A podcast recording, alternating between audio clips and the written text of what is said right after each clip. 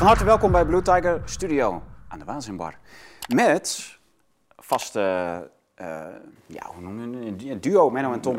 Gewoon eh, eh, waanzin van de week bespreken. En wij hebben er alvast een wijntje bij opengetrokken. Is net geplopt en wij gaan lekker aan, de, aan nippen. Want het is lekker in de middag en we gaan van start. We hebben ook een gast. We hebben eigenlijk wel meer gasten. Maar eh, de eerste gast, daar gaan we. eh, u wilt natuurlijk weten wat wij over de NCTV allemaal. eh, ja, dat loopt nog steeds. In november is er een zaak. En daarom is onze advocaat hier aan de bar, Max Hazekamp. Ja, ik ben geen advocaat. Dan ben je toch nepnieuws aan het verspreiden wat de NCTV je verwijt. Ja, ik ben gewoon een jurist. Nou, je bent wel een goede advocaat dan. Nou, ja, jurist. Ze hebben gelijk al te corrigeren. Ehm, Max, van harte welkom jongen. Leuk dat je hier bent. Jij bent echt de, een beetje de, de, de turbo-jurist van eh, Verzet Nederland, zo- zou ik haast zeggen. Je hebt, eh, doet heel veel voor de boeren. Eh, achter de schermen. Ja, Demo, die, demo's die verboden worden, die Ja. vecht jij weer aan. Ja. Mensen die opgepakt worden, die, nou ja, sta jij bij, zou ik het zo maar zeggen. nee, dat eh, doet in het algemeen volgens mij Challing van der Groot en andere strafrechtadvocaten, want strafrecht is niet mijn ding. Nee, oké. Maar goed, jij, eh, jij bent echt achter de schermen. Juridisch ben je best een speel in heel wat zaakjes. Ja, we hebben leuke zaakjes Ja. ertussen. Ja. Ja. We gaan eh, zo met jou over de NCTV praten. Want Menno die zit mij al steeds de afgelopen weken uit te horen van hoe staat het er nou mee. Ja. Nou ja, ik kan niet zoveel zeggen, want voor je het weet ze- zeg ik weer te veel. Dat is me al een keer gebeurd. En eh, daarom zit eh, eh, Max aan, aan de bar. Want deze jurist die weet natuurlijk wel precies wat hij mag zeggen en niet mag zeggen. Die zaak die komt dus november. Nou, dan gaan we even naar de... Nou Menno, jij hebt alle andere thema's van vandaag. We hebben een paar thema's. Nou, we hadden het al gezegd de afgelopen keer natuurlijk. We willen het gaan hebben over Google, AI en wat andere zaken. Eh, daar eh, zit denk ik een heel mooi verhaal achter. Ik, eh, ik ben er een beetje ingedoken en dat is, er komt zoveel op je af, maar heel leuk, denk ik zelf. Ja. Nou ja, auto Je hebt ook een taboe. vriendje meegenomen. Ja. Of, Die, of mogen we dat niet zeggen?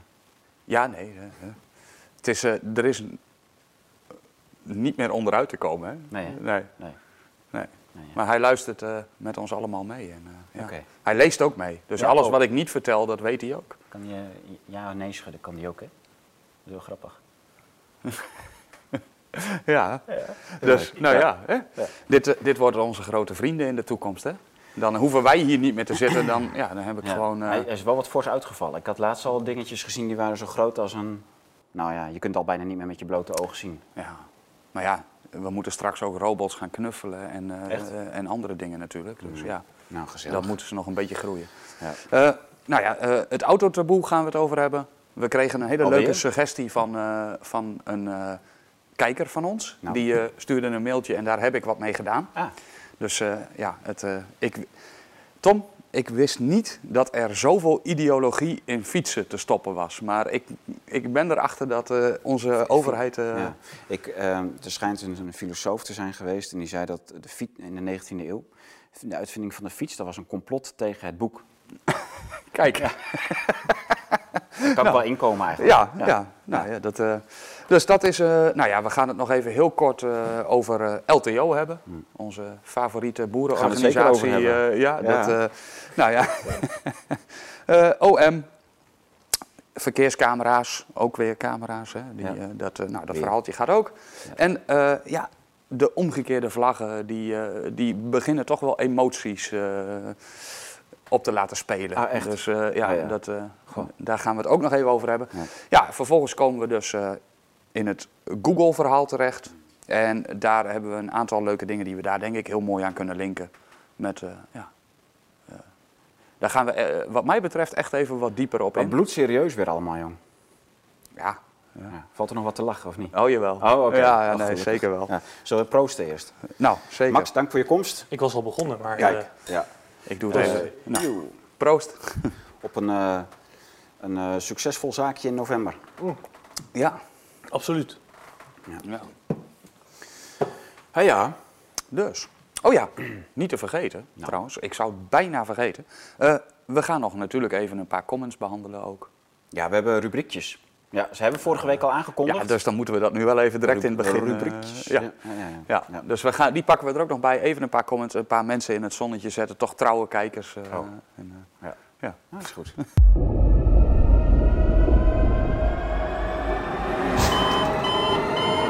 Welkom bij de Boekenbreek. Vandaag is de dag dat een van de allerbelangrijkste titels van de Blauwe Tijger die ooit zijn gemaakt in huis komt. Het schaakbord van de duivel. We weten niet hoe laat, dus wij hopen dat het op tijd is dat we nog de eerste bestellingen weg kunnen doen. Die al lang klaar liggen natuurlijk, want u heeft dat boek al massaal voorbesteld. Een heel dik boek, een New York Times bestseller en van een New York Times bestseller auteur David Talbot. In de jaren dat hij uitkwam was het een waanzinnig populair boek. Oh, ging de wereld over. Dat was een, een dik boek ook. Een van de dikste boeken uit ons fonds. En niet voor niks, want het is het, eh, eigenlijk het standaardwerk over de beginjaren van de CIA. En wat daaraan vooraf ging, SES geloof ik. In ieder geval, dat ging over Alan Dulles, de directeur, de presidenten uit die tijd. Alle malversaties die er plaats hebben gevonden in die jaren tot en aan de moord van president Kennedy. Heel belangrijke eh, evenementen in die, eh, ja, die eerste decennia van de CIA. En het, ook al gelijk, eh, was, het zette ook al gelijk de toon voor de jaren daarna. Heel veel oorlogen zijn ze actief geweest, heel veel drugsgedoe, heel veel moorden, heel veel koeps, om het zo maar te zeggen, in heel veel landen. En wat niet al. Dit, dit boek is echt het fundamentele standaardwerk over een hele roerige tijd van een van de meest criminele organisaties van de 20e eeuw. En dan druk ik mij nog maar even zachtjes uit. En het is een boek waar ik zelf heel veel van heb opgestoken.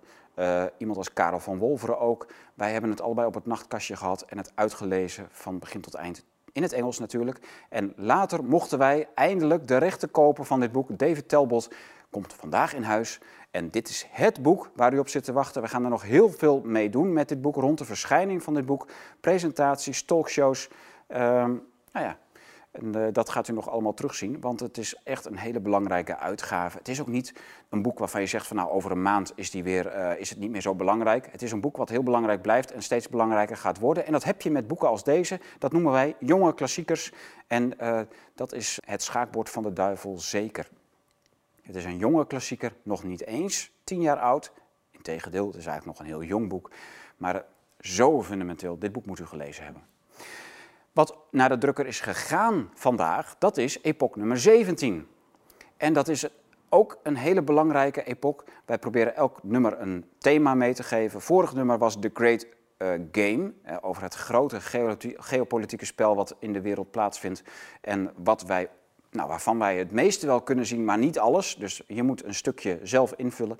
En dat is heel belangrijk, dat is in dat nummer gebeurd. Eh, waar kijken wij naar? Waar, in welke tijd leven wij? Dat was nummer 16. Nummer 17 is nu dus nu net naar de drukker en dat gaat over de CBDC's. Central Bank Digital Currencies. Dus de, eh, de blockchain muntjes van de alle centrale banken. En het blijkt een enorme koep te zijn uit de koker van de BIS, de Bank for International Settlements. En dan weet u, als u dat eerder hebt gehoord, dat is de bank der banken. Die zit al in Basel. Eh, dat is de, het, het groot, de grote overkoepelende bank van alle centrale banken. En centrale banken zijn weer overkoepelende banken van de commerciële banken. Enfin, dit plan komt van het hoogste niveau. Eh, de BIS zit erin, de BlackRock zit erin. En de Fed zit erin en die willen met z'n allen dat wij aan de CBDC's gaan. Want dan bent u met één, knop van de, met één draai aan de knop bent u van uw geld verlost. Geld kan ook zomaar wat waard zijn en zomaar wat niet. En het is eigenlijk gewoon het einde van alle nationale en individuele soevereiniteit en autonomie die wij nog hebben in tijden van coronavaccinatie-paspoorten, in tijden van CETA-verdragen, et cetera, et cetera. Dus dat restje wat wij nog hebben aan, aan ja, eigen leven, aan, aan eigen invulling, dat is dan helemaal klaar. En daar gaat eh epoch nummer 17 over. En natuurlijk geldt ook bij dat boek die zakdoekenactie van gratis zakdoek per bestelling. Die gaat gewoon zolang de voorraad strekt. En ik denk dat wij binnenkort zelfs nieuwe voorraad gaan aanschaffen. Maar dan moeten we even kijken hoeveel we nog hebben. Zolang die voorraad strekt, krijgt u een gratis boerenzakdoek. En die gaat aan uw autospiegel, aan uw, aan uw antenne, aan uw hals, aan uw hipsterknot, aan uw... Waar kun je nog meer aan doen? Aan je arm, Als aan je, je oren, als je oren hebt zoals Menno, kan je hem aan je oren vast doen. Vind ik niet aardig. is toch heel flatteus? Dan doe ik hem je eroverheen. Dan gebruik ik hem als bandana. Oh ja, een bandana. Is goed, als bandana kun je hem gebruiken. Als eh, oorbel dus, voor mensen met grote oren. als, ehm, als mensen met niet alleen hele grote oren, maar ook hele grote snuiten, die kun je hem gewoon om de bek binden. En dan eh, komt eh, vanzelf rood kapje eraan en die zegt, "Ah, maar oma, wat heeft u grote oren? Oren. Ja. Dus voor de grote boze wolf. Ja. ja. Ehm, nou ja, weet je, aan, voor alles. En hij is niet alleen gratis bij één boek. Je kunt er ook gewoon eh, tien los bestellen. Want dat is, eh, dat is echt een. Eh, daarom moeten wij waarschijnlijk ook binnenkort even een nieuwe voorraad bestellen. Want dat gaat zo hard. Die, tien, die pakketten per tien die gaan er heel hard uit. Dus eh, waarschijnlijk is er nog geen einde aan die boeren-solidariteitsacties. Zolang die boeren zelf doorgaan, gaan wij ook door. Menno, zullen we dat doen? Zolang die boeren doorgaan, gaan wij ook door. Totdat, eh, totdat de kogel door de kerk is. Ja. Dus totdat de laatste boer zijn eh, brandende hooibaaltje op de A28 eh, gepleurd heeft, op de A1 of de weet ik veel wat, eh, gaan wij gewoon door uit pure solidariteit met die mensen die in de pal gehakt worden. En niet alleen maar om die mensen, want die nationale voedselvoorziening is een heel erg belangrijk iets. Wij willen gewoon, Nederland is een vruchtbare delta en daar moet eten verbouwd worden en geen heideplantjes. Punt 2, na de boeren komen ze bij u en bij mij. Ja. Dus dit is niet alleen een, boek, een doek voor de boer, maar ook een doek voor u en voor mij. Dit moet het symbool worden van dat we het allemaal niet meer pikken. Wij zijn klaar met de hele zooi. En ik hoorde zo links en rechts dat het beneden de grote rivieren nog niet helemaal aangeslagen is. Breda, Eindhoven, Helmond, hè, die, die heidegebieden daar, eh, die, die schrale grond onder de rivieren. Eh, ja, als u kijkt onder de grote rivieren, u moet echt een keer een kijkje komen nemen erboven. Want als je Arnhem-Apeldoorn voorbij bent, Lelystad, Amsterdam, dan is echt elk huis aan de weg heeft zijn vlag omgekeerd. Elke auto heeft minstens één doek aan de spiegel of aan de antenne. En dan moet de rest van Nederland ook even in mee, want anders dan... ehm, toch, Menno? Ja, absoluut. Ja. vind ik ook. Nou, ja, omdat Menno het zegt, ben ik het helemaal met Menno eens. Dus u moet echt gewoon die doeken, ofwel boeken bestellen, krijgt u een, eh een grunnigs duikje bij een boukje. Of gewoon even tien in één keer en deel ze uit aan de buren. Of bind ze gewoon s'nachts vast aan alle eh, spiegels en antennes die u op de in de straat tegenkomt. Dat kan ook. Ehm, en eh, dan vindt het zijn, zijn weg wel, want in het zuiden, moet, het zuiden moet ook mee. Ja. Het lijkt, het lijkt wel een beetje alsof wij in het noorden een beetje rebel nation zijn, of niet? Ja, ja. In Amerika is het in het zuiden, maar wij zijn een beetje in het noorden. Het is ook We- wel een beetje een rebel flag, vind je niet? Ja, nou ja. We worden zo langzamerhand bijna het Texas van Nederland. eh. Echt wel. Redne redneck Nederland zijn Ja. we. Ja, ja, ja. Ehm, ja, maar dus, er zullen vast wel weer een paar woke boeren zijn die gaan zeggen... ja, dat is toch heel extreem. Tom, dat is echt, echt heel extreem wat je nu zegt. Van, weet je wel wat die rebel flag betekent? Oei.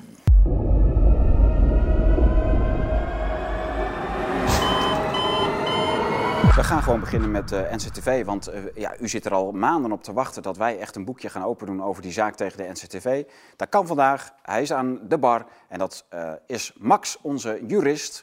Ik zal geen nepnieuws meer verspreiden, want anders dan kunnen ze echt grond onder onze voeten vandaan trekken. Maar dat was eigenlijk een grapje natuurlijk, want ik heb nog nooit nepnieuws verspreid. Of wel? In mijn opinie niet. Oh, nou, dat valt weer mee. Nou, mm. Ik denk dat wij alles goed kunnen weerleggen. Nou, einde uitzending. We gewonnen.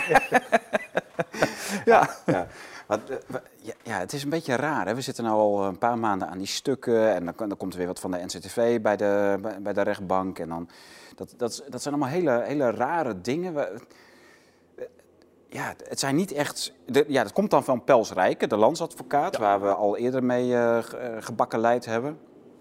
In andere kwesties, rond Huig Pleug, maar ook eh, rond het Oekraïne-referendum hebben we daar ook al mee te maken gehad. Die landsadvocaat die, eh, ja, die heeft een soort opiniestuk bij de rechtbank ingeleverd. Of, Ja, daar vind ik het wel op het- lijken. het zijn, de- normaal gesproken kreeg je dan een hele mooie conclusie van antwoord met voetnoten en uitspraken. En, en, Altijd. eh, nou ja, van, van een nette advocaat die zorgt gewoon voor een goed onderbouwd stuk met voetnoten. ja, dat is wel de bedoeling. Eh. Nu, hè, er is één uitspraak aangehaald die zelfs in het nadeel is van de NCTV wat mij betreft. Dat is een arrest van het Hof Den Haag eh, van 3 mei 2022, waarin het Hof heeft geoordeeld dat de NCTV, anders dan eerder werd aangenomen door de voorzieningenrechter, zich niet kan verschuilen achter de parlementaire immuniteit voor wat betreft het DTN, het dreigingsbeeld terrorisme Nederland. Dat is die bewuste uitgave die drie keer per jaar verschijnt. Precies, ja. Waar de Farmers Defence Force in heeft gestaan en wij en volgens mij ook gezond verstand. Kick-Out Zwarte Piet, Ja. Stichting Muslim Rights Watch. Er zijn eh, verschillende organisaties die, eh, voor zover ik weet, helemaal niets met terrorisme te maken he- hebben. En die dus ook niet in zo'n rapport thuis horen. Nee. Net als de Blauwe Tijger. Ja. Jij, jij, doet, eh, jij, jij hebt dus de Farmers Defence Force ook bijgestaan in die zaak. Die, die werd dus één monitor eerder, werden, werden ze genoemd. 52. Ja, en wij in Juli 53. 53, Ja. Goh.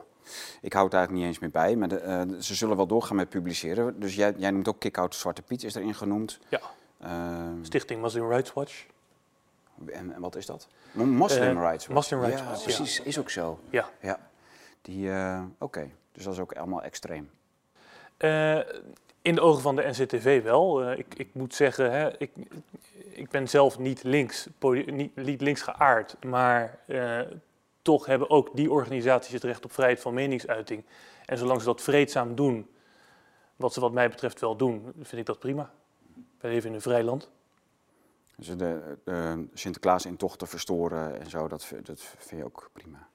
Eh, dat als jurist moet ik zeggen dat ik dat goed vind. Want je moet kunnen demonstreren op een wijze waarop je wordt gezien en gehoord door het Mhm. volk. Ja, hoe doe je dat op een plek waar hetgeen je tegen demonstreert aan de gang is? Maar een kinderfeest, moet dat? Dat is natuurlijk heel lastig, hè? want eh, iedereen heeft natuurlijk het recht op vereniging. Dus ook eh, de mensen die Sinterklaas willen zien. Maar iedereen heeft ook het recht op demonstratie. Dus dat zijn dan twee rechten die je tegen elkaar zou moeten afwegen. Ja, daar heb ik me niet goed op voorbereid. Maar zo op het eerste oog vind ik het juridisch niet geoorloofd om dat te gaan beperken. En wat zie jij nou als rode draad in al deze eh, in- eh, ja, organisaties hè, die genoemd worden? Eh, ze zijn het allemaal niet eens met eh, een beleid zoals dat in ieder geval op enig moment was van de overheid. Dus het wordt eigenlijk altijd tegen oppositieachtige organisaties. Ja, zo zou je het wel goed kunnen zien. Ja. Ja, zo. Dat, op zich is dat natuurlijk heel logisch. Nou, dat, vind ik helemaal niet. Dat is heel gevaarlijk, Ja. want in een democratie heb je het recht op vrijheid van meningsuiting. Hè. Je wordt geboren met een paar rechten. Je wordt geboren met een eigen mening en je wordt geboren met een leven. Hè, En, en die rechten moeten gewoon worden gerespecteerd. In, zeker in een democratie. Hè. We leven niet in Noord-Korea. Nee, Dus dat ben ik ook helemaal is. eens. Ik wist nog, Ja. Dat toen ik geboren werd, toen had ik echt gewoon al eh, het idee van ja, dit is echt... eh, die Rutte, die is nou een paar jaar oud, dacht ik toen. Hè? En dat is, echt, dat is gewoon echt al een klein ettertje. Ja, vond ik toen al. Nee, maar ik zal mijn... Ik eh, had, ik had strenge, sterke opinies toen. dat geloof ik direct. Ja, dat, denk ik ook, ja. Maar wat ik zeg is dat het logisch is dat het eigenlijk altijd natuurlijk tegen oppositie gebeurd is. Want wij proberen eh, een tegengeluid te laten horen tegen een overheid waar we het niet mee eens zijn. En die overheid... Nou, niet eh, tegen een overheid. of hè. Je- je tegen je- beleid. Ja, tegen de beleidsmakers van het moment. Ja, En dat verandert natuurlijk. Je bent niet tegen de overheid. Ik denk dat niemand in, een hele, in de hele wereld tegen een overheid is. Want je hebt gewoon in een land leiding nodig. ja, Maar tegen beleid. de beleidsmakers, ja. Sorry, ik zal goed proberen op mijn woorden te letten.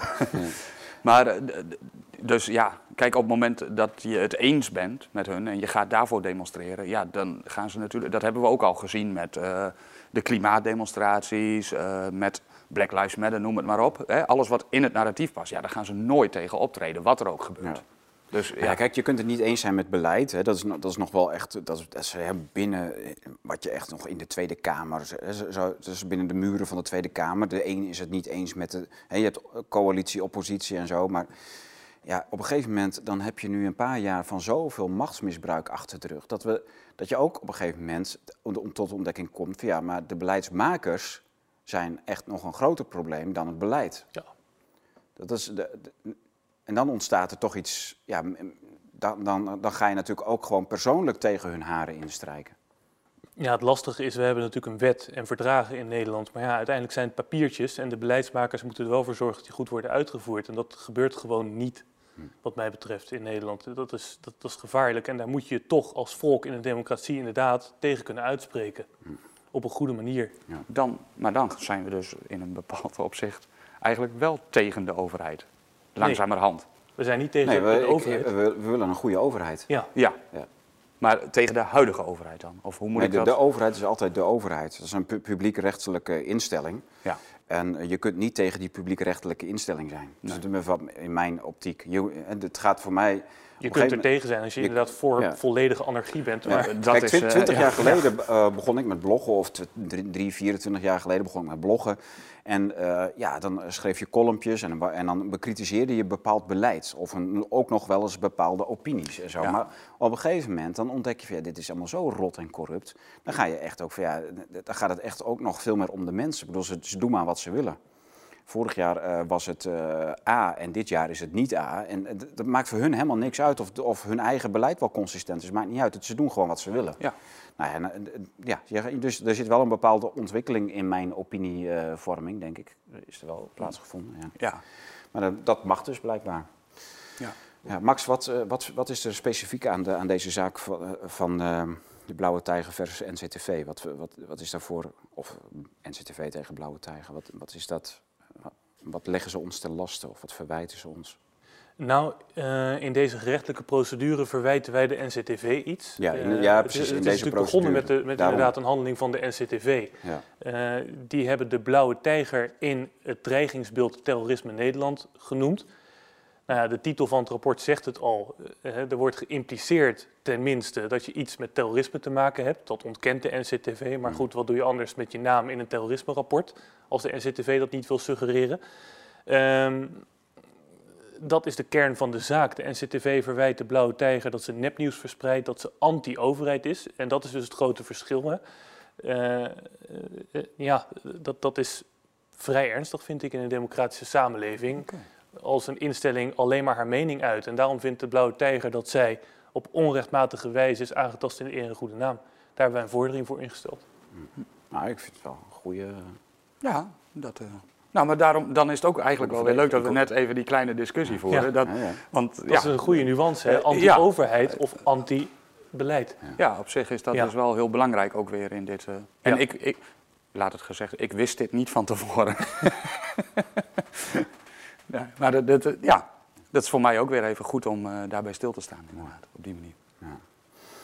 Ja, hoe gaat het verlopen? Maar, uh, we hebben dus net dat stuk van Pels Rijken gehad. Of dat, dat is ja, een paar weekjes of zoiets. Uh, we krijgen die zitting in november. Nou, voor die tijd worden wij geacht, denk ik, om hierop te reageren.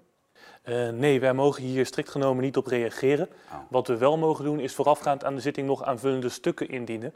waaruit dan volgt wat het dat hetgeen in deze conclusie van antwoord is geschreven niet klopt. Maar, ah, dat maar want jij, jij, mag op de zitting zelf toch een betoog houden nog? Of op de zitting zelf mogen wij pleiten inderdaad. Ja, precies. Ja, Dat zullen we ook wel doen. Ja, en dan kun je dus op de zitting reageren. En dan, op de zitting, maar wel mondeling. Dus uh, ja, mm -hmm. je pleitnotitie is schriftelijk, maar je reageert dus strikt genomen mondeling op zitting en niet meer met een bepaalde conclusie. Ja, maar die pleitnota die jij dan eigenlijk voorbereid hebt, die kun je uitdelen dan aan de die partijen. kun je uitdelen, ja. ja en, ook aan de rechter. Ja. En dan een paar weken later heb je een uitspraak, zoiets. Uh, ja, in principe vier weken later, als het ingewikkeld is of, of er is geen tijd om een uitspraak te wijzen, kan natuurlijk ook, want de rechtspraak is hartstikke druk tegenwoordig. Dat is echt zo, dat is, dat is niet normaal. Ja, dan kan de rechter het ook uitstellen. Sorry? Druk. De drukte is niet normaal. Oké, oké. Nee, ik, zei, ik, ik verstond ruk, maar dat... Nee, druk. Nee. nee, de rechtspraak is absoluut niet druk, vind ik, nee, in Nederland. Oké, jij bent heel positief. Daar hadden we dus, uh, voor, toen de camera's nog uitstonden, hadden we een hele leuke conversatie daarover. Gaan we, want daar wil ik eigenlijk wel wat over weten. Jij, jij bent dus eigenlijk heel positief over de rechtspraak. Dat het eigenlijk in Nederland, wel, in Nederland dat het ook aan het bijdraaien is te, in de goede, goede richting. Dat vind ik dus bijzonder, want we hebben een paar hele bijzondere jaren gehad met de boeren en met de corona en de vaccinaties. Um, dus, dat zijn, dus, dus ja, wij, wij, zijn eigenlijk al een beetje in, de, in het uh, narratief gerold. Van ja, aan, rechters heb je niks, uitspraken gaan, uh, ja, zullen toch altijd tegen ons. Uh, maar, maar, jij hebt hele andere ervaringen, zeker in recent nog. Ja. ja, zeker. En het is ook altijd wat genuanceerder. Hè? Want als publiek, als leek, niet juridisch onderlegd, kun je natuurlijk heel, heel snel iets vinden uh, van een uitspraak van de rechter. Maar de rechter past wel altijd de wet toe, of verdragen misschien.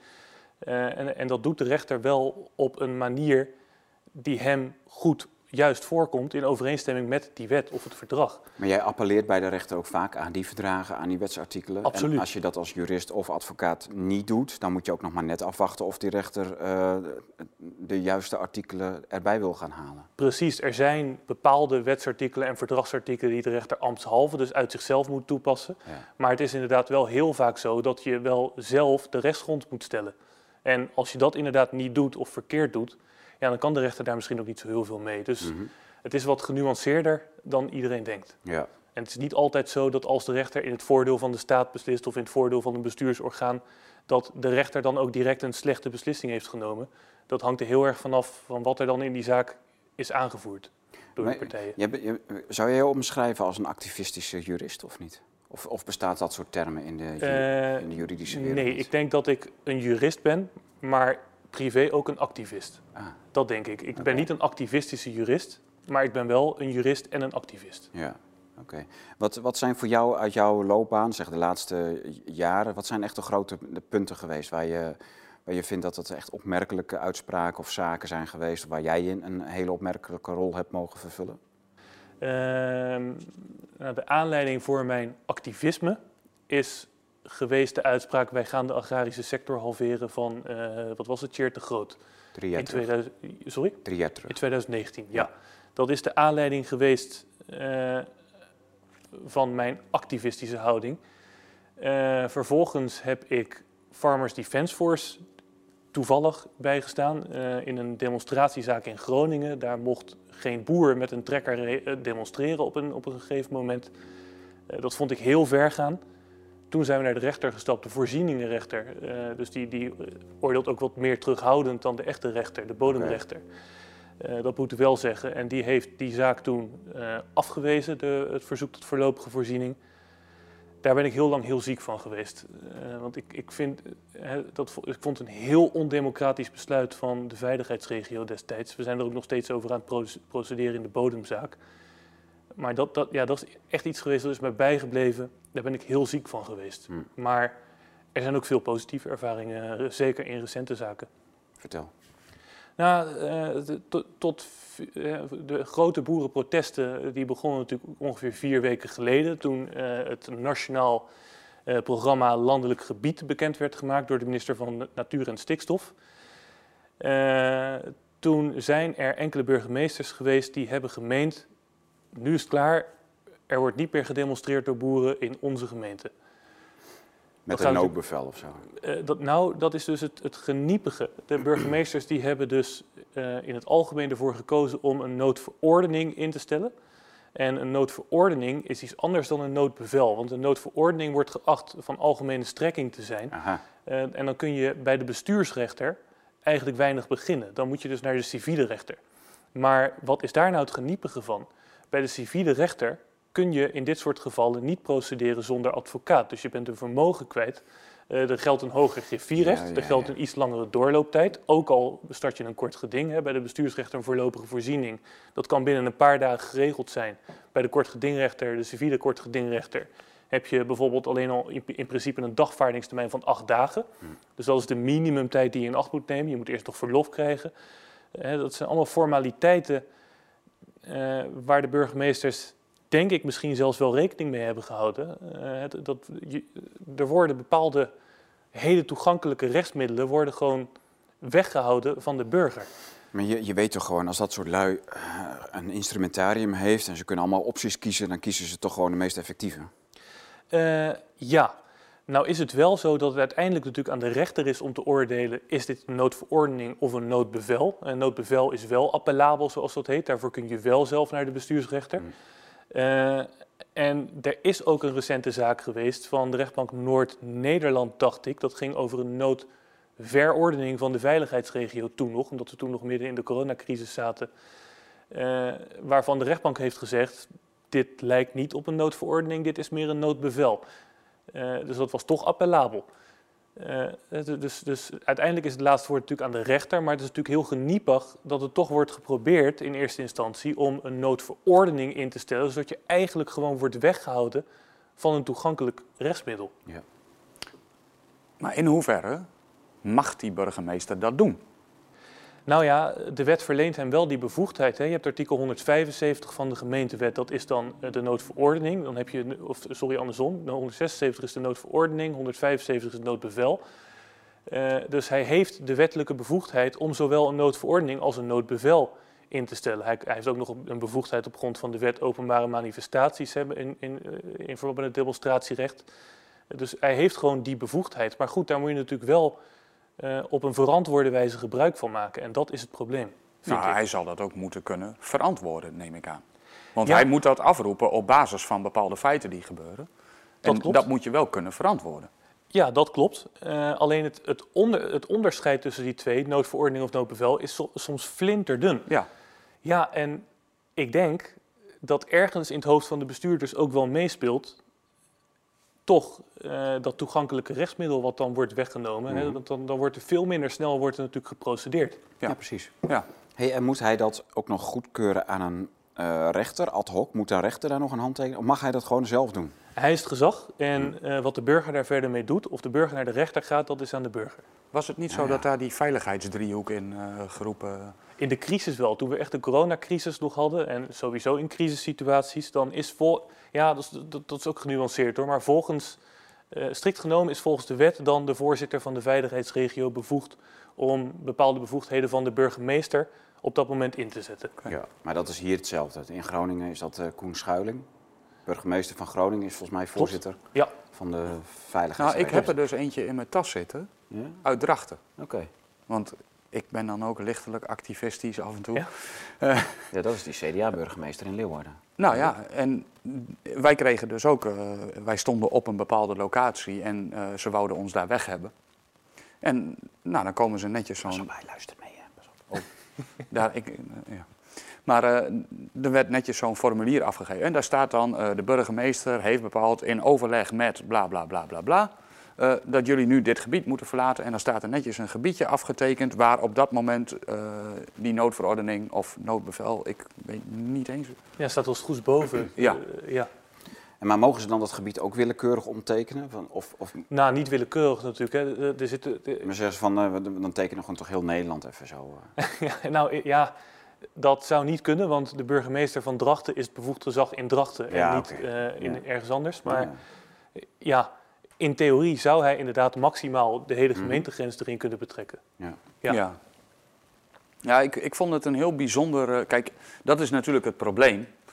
Ik ben ook niet juridisch onderlegd. Dus je krijgt zo'n formulier. Ja, en op dat ik. moment dat je daar staat, heb je de keuze. Ja, waarschijnlijk klopt er wel iets niet, maar ik blijf staan. Nou ja, dan komt er gewoon vervolgens een ME-bus aan. Ja. En die timmeren je daar weg. En, en als je het aan gaat vechten, inderdaad, dan kom je dus weer in een hele procedure terecht. En dat duurt toch weer een dag of twee minstens, ten minste. Ja. Ja, dus het is. Ja, je, dus dan is- eigenlijk je dan recht is de op. demo alweer voorbij natuurlijk. Precies, allemaal- ja. Je, je zit natuurlijk altijd achter, de, achter het net te vissen Ja. wat dat betreft. Heb je dat gevoel nooit dat je achter het net vist met dit soort, eh, dat je het aanvecht en denkt van ja, Nou, ik moet zeggen eh, dat de voorlopige voorzieningen die ik in de afgelopen weken heb gevraagd, pijlsnel werden behandeld door de Ja? rechter. Ik heb bijvoorbeeld in, eh, over de demonstratie die de boeren wilden houden in Nijmegen tijdens de Vierdaagse, heb ik op zondagavond eh, het verzoek ingediend.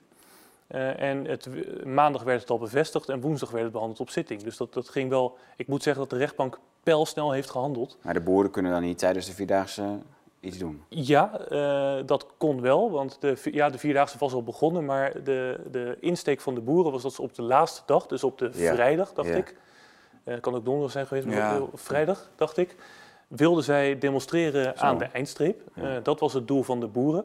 Dus de rechtbank hoefde dan natuurlijk ook niet te zeggen van, ja, we houden die zitting op maandag, want dan kunnen we het nog voor de Vierdaagse regelen allemaal. Mhm. Dat zou natuurlijk ook overtrokken zijn. Maar het was zeer op tijd allemaal geregeld en de halte precies hetzelfde. Ja. Nou, pluim voor de rechtbank. Absoluut. Fantastisch. Ja. Absoluut. Daar word je toch wel een beetje blij van, Menno, toch? Nou, we, we, worden wel, maar, we worden wel om de, om de oren geslagen met allemaal zaken die afgewezen worden. En ja, maar in de je, coronatijd ook. de hele- er gingen mondkapjes, al- alle, al- die Nou ja, die QR-codes, avondklok, hè, dat, was, dat was wel de, erg, de grote. Ja, ja. Maar je, je hebt natuurlijk ook wel de neiging eh, om snel, als je al zo lang met heel veel dossiers, om cynisch te worden. Ja. Maar we hebben ook wel eens vaker gezegd. Kijk, het is, de rechtspraak eh, in zijn algemeen is nog weer iets anders als dat je puur tegen een overheid een rechtszaak begint natuurlijk. Daar zitten ook weer andere. Er is natuurlijk wel een verschil. Hè? Als, als je een rechtszaak begint met eh, partij A heeft een overeenkomst gesloten met partij B en moet 100 euro betalen. Ja, dat, is, dat is natuurlijk. eh, Maar dat is juridisch natuurlijk ook heel veel eenvoudiger, ook voor de rechter. Dat, Ja. dat is heel simpel. Dus ja, en die zaken tegen de overheid zijn nou eenmaal naar hun aard meestal heel ingewikkeld, ook voor de rechter. Nou, en ook ideologisch vaak, denk ik. Uh, er zit een bepaalde ideologie, ideologie, achter, zeker als je je gaat beroepen op verdragen. Hè, want die moeten op een bepaalde manier worden uitgelegd of niet. Uh, dus dat, er is altijd een bepaalde ideologie achter. Ja. Mhm. De wet is sowieso natuurlijk ideologisch in het algemeen. Ja. ja, dus ja. En als dat dan tegen jouw eigen ideologie ingaat, ja, dan heb je heel snel de neiging om te denken dat. Ja, ja, ja maar er zijn meerdere wegen die naar Rome leiden. Dat dan weer wel. Jij rookt niet, hè? Ik rook niet. Nee, Ik, was, ik had je graag een sigaartje aangeboden. Nee, bedankt. Nee, um, dat, uh, ja, nou ja, goed. Dan, dan weet u waar, waar, een beetje waar het met uh, eh, NCTV en de Blauwe Tijger naartoe gaat. Um, dat is wel, dat is, uh, wel belangrijk. We gaan natuurlijk na de pauze zo meteen nog meer behandelen met, met Menno en mij en onze geheime gast. Um, ja, wat, ze, wat ze, kunnen we nog even met. Uh, ja, ik wil eigenlijk wel meer weten over die boeren. Want jij zit. Ja, ik heb zoveel interessante dingen van jou gehoord, maar je kunt natuurlijk niet alles zeggen. Dat, dat begrijp ik ook wel. Ja. Um, nou, ik heb nog wel een vraag op zich. Maar. Ja, ja? ja, want is het niet zo dat wij in dat rapport zijn opgenomen omdat uh, wij die actie hebben gedaan toen de tijd? Hè? Die, uh, ja, om de FDF te steunen. Ja, en omdat de FDF in dat rapport is opgenomen. dat is de enige manier waarop ze ons linken aan een terroristische organisatie. Dat, nee. dat, dat, is gissen. Want nee. kijk, als... Oké, nee, kijk, hij grijpt direct Nee, dat is niet goed. Uh, want de NZTV heeft ook gezegd dat het feit dat Farmers Defence Force is genoemd in het TTN 52, hè, één rapport voor het rapport waar jullie in zijn genoemd, inderdaad, dat is juist. Uh, ja, dat, dat, is dat heeft er volgens de NZTV niks mee te maken dat Farmers Defence Force een extremistische organisatie zou zijn of een terroristische organisatie. Dat hebben ze ook later, naar aanleiding van de procedure die we hebben gevoerd, op de website zelf verklaard. Dus dat kan op zichzelf geen reden zijn om de Blauwe Tijger vervolgens in het rapport te noemen. Wordt wel gedaan. Hè? Er wordt gezegd dat de Blauwe Tijger inderdaad een boerenactiegroep heeft gefinancierd. Nou, dat is natuurlijk Farmers Defence Force, want dat is de enige mogelijkheid. Ja. Uh, dus ja, maar dan komt toch het ene, het dat een beetje tegenstrijdig, verklaart dan toch ook het andere. maar het, mag niet zo zijn. Nee, mag nee, niet nee, nee, Maar het bizarre is natuurlijk dat uh, er was een of andere bakkerij, daar kwamen, daarom kwamen wij op het idee. Er was een bakkerij uh, nou, bij jullie in de buurt, die begon met een taartenactie waarin 2 euro van elke taart naar de Farmers Defence Force ging. Die werd niet in die DTN genoemd. Nee. En toen wij dus expliciet met verwijzing naar die actie zeiden, oh dat is een superleuke actie, gaan wij ook doen. De hele juli maand gaan we dat doen. 2 euro van elk boek, of weet, weet ik het wat, uh, naar de farm. Nou, dat was echt een, dat was een hele droge zomer trouwens. Als je over droge zomers gesproken hebt. Maar dat, uh, de, alsnog is er iets van uh, 1300, 1400 euro naar de FDF gegaan. Ja. Nou, niet heel veel. Ik denk dat die bakkerij er meer... Uh, ja. Maar, uh, gokje. Maar dat... Die, waarom wij wel? Ik bedoel, je hebt de heusveevoeders die steunen de FDF. Bedoel, de FDF en, en al die actiegroepen ook al die demo's, die worden gewoon letterlijk, uh, die, die, die, die, vinden plaats omdat die grote organisaties erachter, die grote bedrijven zetten zich erachter, de veevoer. Uh, ja, wat heb je allemaal in die agrarische sector? Maar dat is, dat is behoorlijk gesubsidieerd, zodat al die podia opgebouwd konden worden, uh, tot en met hapjes en drankjes aan toe. Ja, ik heb zelf geen idee door wie Farmers Defence Force wel of niet wordt gefinancierd. Maar ja, het is inderdaad zo dat het een beetje scheef is. Hè, en dat jullie toch wel in verband met Farmers Defence Force in het terrorisme-rapport zijn genoemd. Terwijl dat dus eigenlijk inderdaad niet zou moeten, want Farmers Defence Force is in de ogen van de NCTV ja, kennelijk is, geen Dat is achteraf. Hè, dus achteraf hebben ze dat gezegd. Maar vooraf was natuurlijk dat. Ja. ja. Ja, dus dat is een beetje natuurlijk. De, ja, maar je kunt toch op het moment. Ja. ja. Het verhaal, ja. Nee, maar dat is in dit geval is bekend wie de kip is en wie het ei ja, niet helemaal door die verklaring achteraf van de NCTV. Dus dat is, dat is het lastige in deze situatie. Of dachten ze gewoon van, nou, die blauwe tijger, dat is toch al een sitting duck, die, had al, uh, die kunnen we makkelijk pakken, Zo, zoiets. Ik heb geen flauw idee, uh, maar uh, het, het, wordt ook niet heel erg toegelicht, heel erg goed toegelicht vind ik, waarom de blauwe tijger in, de, in het terrorisme-rapport is opgenomen. Hmm. Want alles wat over de blauwe tijger wordt gezegd, ja, dat wordt onderbouwd met verwijzingen naar publicaties van katholiek.nl. Nou, dat is niet, e-, nou niet echt een vooraanstaand journalistiek platform.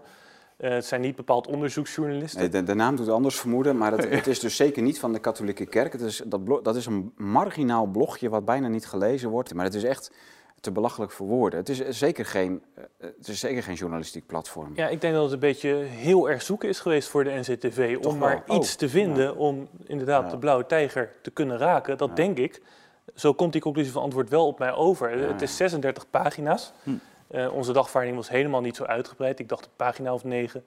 Eh, ja, om dan te reageren met 36 pagina's. Ik heb altijd geleerd, hoe meer je schrijft, hoe minder je te vertellen hebt. En ik denk dat het hier ook op Ja, gaat. maar ze baseren zich dus op, op bronnen van eh, zo, zo gewoon, een, een gewoon weblogje die beweren van oh, de blauwe tijger, Tom Switzer, dat is allemaal heel radicaal. En dat is dan hun onderbouwing, toch? Ja. daar komt het op neer. Er wordt eigenlijk heel weinig verwezen naar echte goede onderzoeksjournalistieke bronnen, vind ik. Ja. Dat, dat, dat, ja, heel of- weinig zeg Of je. naar, of een, of naar wetsartikelen of naar jurisprudentie en uitspraken. ja, ook dat. Dus maar heel wordt sumier. heel sumier inderdaad. En de- dan wordt er inderdaad wordt een stukje van eh, wel een journalistiek platform aangehaald, namelijk nu.nl. Ook waarvan, als ik dat lees, je je kunt afvragen hoe zorgvuldig is dat nou daadwerkelijk gedaan. Hè? Maar nu.nl heeft ook gewoon een opiniepagina. Hè? Dat, eh, Heeft ook een opiniepagina. Ja, dit, ja, dit was toevallig een stukje waarin eh, ze deden aan fact-checken. Dus Ah, dat was ja. geen opinie, Ja, dat is, maar dat dat is, was dat is de nieuwste hobby. Maar daar ben ik dus een beetje bang voor. hè. Zo'n zo'n trend. Je ziet het ook bij Nieuwsuur. Die hebben dan die Rudy Bauma. Eh, die eh, zogenaamd allemaal dingen gaat factchecken over eh, vaccinaties en de, de, de Pfizer-papers en Ja. dat soort dingen. Oh ja. En die man, dat, dat is tenenkrommend. Nou, die wordt op, op Twitter wordt hij de vloer aangeveegd met mensen die wel ergens verstand van hebben. ja. En, ehm, maar kijk, het staat dus als filmpje staat het dan op nos.nl. hè. Het is, het is uitgezonden op de nationale televisie. En heel Nederland wordt dan geacht om dat als hoogstaande autoriteit aan te nemen. En zo'n Pels Rijken kan er weer naar verwijzen. En het is gewoon zo'n incestueus gebeuren van eh, wat, wat nou ja, uitblinkt in, in eh, totale willekeur eigenlijk. Ja, ergens begint het. Hè. To- Toevallig, dat is, wel grappig dat je dat zegt, dat het inderdaad, als, als de een het zegt, wordt het steeds verder doorgevoerd. Ja. Het gaat groeien. Maar je ziet ook dat die rol in, daar met dat oogmerk is, worden dat soort filmpjes gemaakt. Maar als de oorspronkelijke bron niet deugt, dan Ja. deugt de rest, de rest natuurlijk ook niet. Nee. En dat is het probleem. Ja. Ja, dat, dat, dat Maar hou dat- je wel in een, in een samenleving waar een vrije nieuwsgaring is. Iedereen heeft het recht om die informatie ook tot zich te nemen die hij wil. Hè. Daarom is bijvoorbeeld ook het de idee om eh, eh, eh, fake news te gaan checken als, als overheidsinstelling. Dat Ja. vind ik... Ja, en Heel Rutte die, gevaarlijk. Rutte die in, in een of andere op inter- internationale meetings zegt dat het goed is om journalisten te gaan, be- gaan betalen om desinformatie tegen te gaan. Dat was al Nou, ik vind het sowieso heel, heel, heel gevaarlijk als je überhaupt een journalist ook, ook maar ergens voor betaalt vanuit de overheid. Dat is heel gevaarlijk, want een journalist is natuurlijk een public watchdog. Hè? Een journalist is Ja, de die, ligt, waakhond. die ligt dan aan de ketting natuurlijk. Die ligt dan aan de ketting. Dus Ja. dat is sowieso heel gevaarlijk. Ja. Daarom ben ik ook tegen de NPO. Maar goed, dat, dat is een persoonlijke mening. Nou nee, ik heb altijd gezegd, ik ben daar helemaal niet tegen. Het punt is alleen, er moet duidelijk zijn vanuit welke kant het geluid komt. En er moet ook ruimte zijn voor tegengeluid. Ja, maar je kunt het niet controleren hè, vanuit welke kant het komt als je, als je sowieso al wordt betaald door de overheid. Dat, Ja. dat kun je gewoon niet controleren of het dan nog objectief is of niet. En zodra daar een twijfel, een vraagteken bij kan worden geplaatst, dan is het natuurlijk al fout. Nee, maar op het moment dat het gebeurt vanuit de overheid, dan kun je dat ook gewoon zien als voorlichting. En dan zou dat gewoon heel groot erbij moeten staan. Dit is betaald door de overheid. Ja, maar en- jongens, kijk, het, Hoppakee, het, ko- het klaar. komt er toch uiteindelijk op neer van ze willen dit allemaal niet. Hè? Wat, eh, ook Rob Elens, die op al die platforms eh, kon zeggen wat hij, wat hij eh, wilde zeggen, die gewoon vrij kon spreken. Eén keer is afgemaakt op de nationale televisie, omdat er een, een stel bloedhonden tegenover hem gezet werden. Maar voor de rest, hij kon zeggen wat hij wou. En we weten gewoon uit die, eh, bijvoorbeeld die gewopte documenten van Daniel van der Tuin. Ehm, dat, is, dat is ontzettend interessant, want je ziet gewoon letterlijk wat Hugo de Jonge zelf toen schreef als minister van VWS. Over, eh, en over in het, Rob Elens en platforms waar hij van alles kon zeggen wat hij wou. Dat willen ze gewoon niet. Daar komt het gewoon om neer. Ze willen het niet. En op een gegeven moment gaan ze steeds meer optuigen tegen. Ze- gaan de inspectie. Gaan ze, eh, en eh, Hugo de Jonge die voetert die inspectie keer op keer uit dat ze nog niet genoeg doen. Dat het nog kan bestaan. Dat dit soort artsen nog Ja. beroepsmatig werkzaam zijn. Ja. En echt, die, man, die, die mag, nou ja, wat je zei, dit kabinet moet gewoon weg. Maar die man, dit is, dit is echt, het is zo erg. Dit, De- deze, dit soort ministers, dit soort publieke uh, ambtsvervullers. dit, dit, dit, is gewoon echt een waarschuwing tot, tot ver na, tot generaties na ons. Dit, dit mag gewoon nooit meer gebeuren. Ja, dit het is inderdaad gevaarlijk. Hè? Hugo de Jonge is ook geen Ernst Kuipers. Hè? Hugo de Jonge was uh, volgens mij leraar op de middelbare school uh, voordat hij minister ja, maar werd. Je kunt, je kunt toch niet de inspectie die een zelfstandige controlerende taak zou moeten uitvoeren, kun je toch niet op die manier onder druk zetten om een arts... Niet vanuit het ministerie, nee. Nee, maar dat is dus gebeurd. Ja dat vind ik ook kwalijk. En, en dit komt dan boven tafel. Maar we weten dus, eh, dit soort dingen zijn wel regelmatig boven tafel gekomen. Maar dan weet je gewoon wat de teneur is achter de schermen. Dat het, ze willen het echt niet, daar komt het op neer. Daar hangt ons iets boven het hoofd, weet je. Dat, dat, dat idee heb ik. En dan ben ik dus heel blij, uh, Max, dat jij dus dit, dit soort dingen laat zien, zoals de rechtspraken. Jij hebt een aantal hele leuke uitspraken gehad, recent. Uh, je, hebt uh, je, hebt zelfs het idee dat, dat rechtspraak aan het, een beetje aan het keren is. Dat, ze, dat er ook steeds meer rechters denken van ja, dit, dit gaat allemaal wel echt gewoon te ver. Ja, mijn persoonlijke opvatting is dat tijdens de coronacrisis de rechters heel makkelijk zijn meegegaan met de overheid. En die noodwet. Dat kan ik ook verkeerd hebben, want ik weet ook natuurlijk niet exact wat er over en weer gesteld is in die procedures, maar dat was mijn indruk die ik kreeg. Okay. Maar ja, ik, ik heb echt het gevoel dat de rechters opstaan als waakhond van de democratie. Uh, meester Visser bijvoorbeeld. Hè. Meester Visser is, zoals jullie weten, niet alleen rijdende rechter. Hij is ook echt rechter in, wat is het, Alkmaar volgens mij. Okay. Uh, ook echt een vooraanstaand rechter, een hele ervaren kantonrechter. Die heeft zich heel recent ook uitgesproken tegen het handelen van de huidige overheid. Ja. heeft gezegd dat de overheid aan alle kanten fout zit. Ja, en ik denk dat als een actieve rechter zulke uitspraken doet, dat je dan als overheid je heel erg hard achter de oren moet gaan krabben. Ja. De rechter in onze zaak over Nijmegen ook, die zei aan het einde van de zitting de democratie heeft vandaag gewonnen. En ik denk dat dat wel aangeeft hoe de rechters hierin staan. De rechters bewaken onze democratie. En zijn ook met een overheid die zelf de wet stelselmatig overtreedt. En wat Rutte ook heeft gezegd, hè, wij overtreden de wet als, als dat ons uitkomt. Mm. Nou, in zo'n staat zijn natuurlijk ons, ook de rechters onze allerlaatste hoop. En dat moeten we koesteren. En ik vind het helemaal prima hoe de rechtspraak zich opstelt. Oké. Ja. Nou, ik vind het hele hoopgevende woorden eigenlijk, ja. Uh, de, absoluut. Ja, En, en, maar ja, dat, hetzelfde is ook een beetje, die, die, Hugo de Jonge, die brief dan, die dan boven tafel komt, dat hij echt die inspectie echt enorm onder druk zet.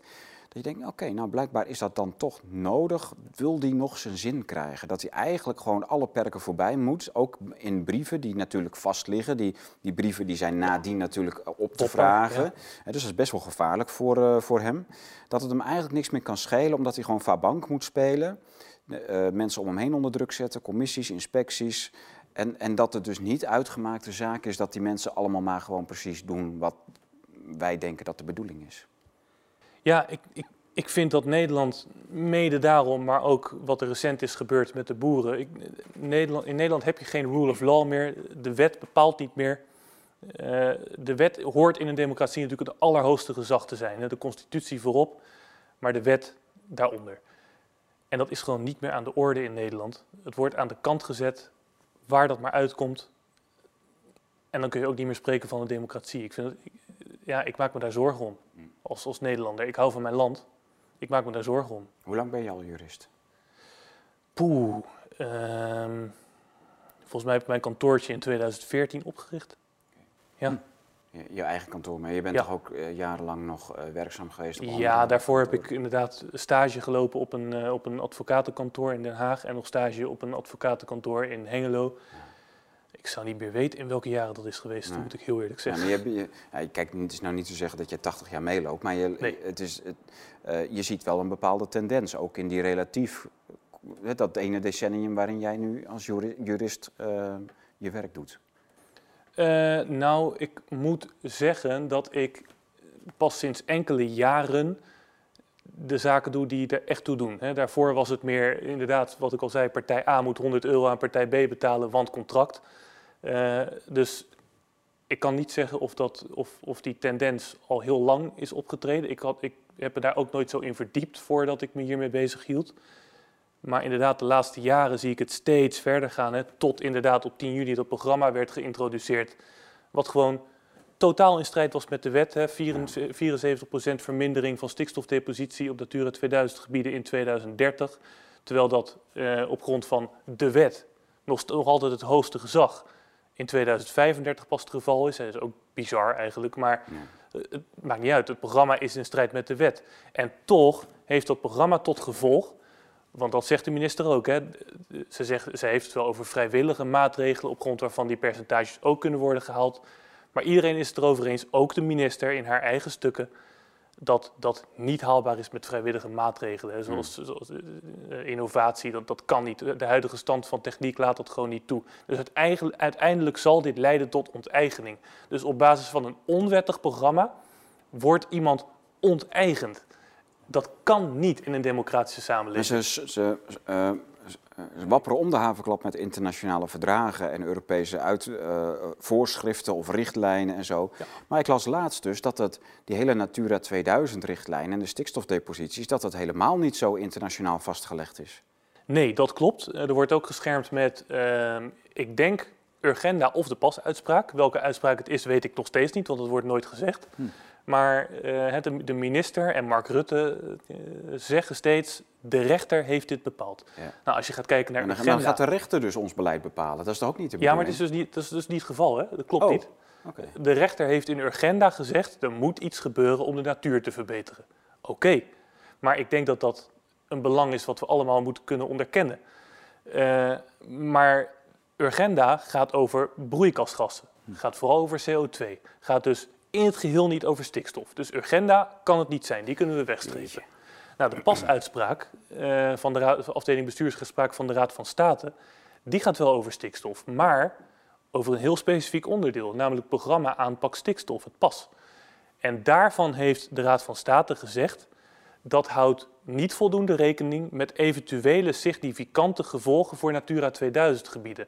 Maar daarmee zegt de Raad van State niet, jullie moeten stikstofuitstoot ver- verminderen. Dat zegt de Raad van State niet. Dus dat dat is gegrond op die uitspraak, die inderdaad een uitleg geeft aan de habitatrichtlijn onder meer en de vogelrichtlijn, is complete onzin. Echt complete onzin. Ik, ik, ik schaam mij dat machthebbers in Nederland dat kunnen zeggen. Nou, Daar schaam ik me voor. Ik heb nog wel een eh, vraag. ja. In zoverre dat, je zei net ook, je ziet dus dat er heel veel eh, niet rechtmatig gehandeld wordt. ja, Maar wat je dus, wat mij persoonlijk zie ik het zo dat ze hebben een idee, er is een plan, ze dienen het in en vervolgens gaan ze dan wetten maken. vervolgens zoeken ze de motivering erbij. Ja, ja, het is en- een politiek idee en ze zien wel hoe ze het oplossen. hè. Je Precies. ziet het met het programma, inderdaad, het landelijk programma, eh, het Nationaal Programma Landelijk Gebied. Hè, daar staat in, in het programma, wij willen de natuur hiermee herstellen. Dat staat erin. Maar wat zegt de minister op tv, in de krant? Wij moeten deze aanpak doen om huizen te kunnen bouwen. En dat is dus de echte achterliggende gedachte. Dus Ja. er wordt een hele legitieme reden gezocht, een drogreden dus, maar wel die op zichzelf heel legitiem zou zijn, maar een drogreden om een politieke wil door te kunnen voeren. Ja, maar het is toch echt belachelijk. voor, voor een miljoen huizen, daar, heb, daar hoef je niet 74% van de boeren voor weg te vagen. Daar kun je, daar kun je met, als je echt gewoon die, die bouwnoodzaak hebt, dan, dan is eh, een half procent van de boeren eh, op specifieke gebieden eh, waar die huizen gebouwd moeten worden, is al meer dan genoeg. Maar volgens mij gaan, schermen ze dan ook nog met de stikstofruimte. Dus dan dat hele plan, dat hele model met die stikstof wat ze opgetuigd hebben, Er moet stikstof beschikbaar ja, komen. Dus die Ja. bouw die vergt zoveel stikstof. Dat hebben ze dan berekend in een model. Ja. En die boeren die nemen zoveel stikstof. En als je nou qua stikstof zoveel boeren reduceert, dan kun je qua bouw zoveel stikstof. Eh, of qua, qua, ja, kun je, mag je bouwen. het dus die, helemaal- helemaal eh, fictieve stikstofruimte, dat is, dat is toch hun, hun, hun hoofdmodel, of niet? Dat is de idee. Het is, het is niet helemaal zo dat 74% van de boeren moet verdwijnen volgens dit plan. Dat zal, Gaat eh, de- ja. Het zal uiteindelijk het resultaat zijn Mhm. dat heel veel boeren zullen verdwijnen. Want Ja. uiteindelijk is de, de Ja, critical ze kunnen, mass ze kunnen in het plan wel zeggen van ja, dat dat, dat, dat, dat, dat, dat geen doelstelling is. Of ze kunnen in het plan überhaupt die doelstelling niet zeggen. Maar als je weet dat dat het gevolg Het is, dan, effect, dan ja. weet je dus ook dat impliciet dat hun doel is geweest. Eh, ja, maar ik bedoel het anders. Eh, er wordt niet gesteld dat 74% eh, van de boeren moet verdwijnen. Er wordt gesteld dat 74% depo- stikstofdepositie op Natura 2000 gebieden moet worden gecreëerd. Ja. Maar dat heeft inderdaad tot gevolg, ja, wat je zegt, dat zoveel boeren zullen worden onteigend. Ja, maar hier in de regio, we hebben het hier vaker gezegd aan de bar. De, de, degene die nu eh, minister voor eh, Landbouw is, Staghouwer, die was toen datzelfde, maar dan in de provincie Groningen. Die heeft gewoon heel bewust allemaal eilandjes opgekocht qua boerenbedrijfjes. Allemaal een paar hectare hier, tientallen daar. En zo'n lappendeken van stikstof Natura 2000, of, eh, Natura 2000 gebieden gecreëerd. En waarbij dus alle boeren daaromheen, en dat is praktisch zijn dat nu alle boeren van Groningen en alle boeren van Friesland. En, nou, dat is overal zo'n beetje gebeurd. Die hebben daar allemaal mee te maken. Dus ze weten gewoon donders goed in de strategie dat wat ze, die ze de afgelopen jaren hebben gevolgd. En dan nu in één keer dat plan van 74% minder stikstofdepositie op Natura 2000 gebieden. Ze weten exact van tevoren wat voor resultaat dat gaat hebben voor de boeren. Absoluut. Dat, dat, dat, en dat, dat is ook niet iets wat, eh, wat, wat, wat aan de wetenschap moet worden overgelaten. Hè. Dat, Ja. is natu- dat is gewoon logisch nadenken dat Ja. dat het resultaat is. Ja. Dat, dat kan ieder redelijk denkend mens zich voorstellen. Het, het is, het is ongelooflijk. Ja. Ja. Ja. Op basis van een onwettig programma. Hè. Ja, nou en dat, dat is dus wel, hè, want dan kom ik eigenlijk bij mijn tweede vraag. Eh, er worden natuurlijk best wel eh, uitspraken gedaan, links en rechts. En eh, ook Gideon van Meijeren, die heeft dat volgens mij ook wel eens gezegd. En dan ben ik wel heel benieuwd hoe jij daar als jurist naar kijkt. Eh, je hebt eh, dat gezegde van als onrecht recht wordt, wordt verzet een plicht. Ja. En dan hebben we het natuurlijk over burgerlijke ongehoorzaamheid, andere dingen. Eh, ja, ik ben wel heel, heel nieuwsgierig hoe jij daarin staat, hoe jij daar naar kijkt als... eh, Eh, nou, dat is een uitspraak die oorspronkelijk is gedaan door een van de founding fathers van Amerika. Thomas Jefferson heeft die uitspraak oorspronkelijk gedaan. Nou, Tom, jij bent filosoof, dus je kent die uitspraak. Er schijnen meer te zijn geweest. Maar goed, ja, de- Ja. eh, waarschijnlijk is die uitspraak heel oud. En Ja. wordt die bij tijd en wijle in tijden van nou, nood, wordt die toch wel vaak gebezigd. Nou, ik ben het daarmee eens. Eh, en ik denk dat hoe extremer de actie is, in dit geval de actie van de overheid, die de reactie heeft bewerkstelligd, hoe extremer de reactie zal moeten zijn, denk ik. Dat zeg ik dan dus als mengelmoes van jurist slash activist. Ja. Ja, nou, ik sta daar ook wel dubbel Ja, in. het is heel moeilijk. Ja. Voor, het, Ja. voor hetzelfde geld zeg je weer iets wat ze, waarvan ze denken, ah, daar gaan we mee pakken. En dan, eh, ja, weet je, dan heb jij... eh, heb jij Ja, anders, knippen we een keer. Ja, daar ben Ja, ik niet zo heel bang voor, want Ja. ik, ik, ik uit mijn mening. Ja. En zolang mijn mening niet in strijd is met het strafrecht, eh, zolang ik geen mensen onrechtmatig schaad, kan ik daar niet voor gepakt worden. Ik heb vrijheid van meningsuiting en daar maak ik gebruik van. Hoe dan ook. Kijk. Die NCTV, hè, dus daar- we hebben daar zoveel over gehad. We hebben zoveel rare dingen. Toen wij daar kwamen ook, eh, want wij gingen dus met z'n tweeën eh, daarheen om eh, nog een soort mondelinge... Ja. ja, hoorzittingje, eh, in ieder geval een vergaderingetje met de NCTV. En daar zat volgens mij een directielid van de NCTV aan tafel met een assistent van hem.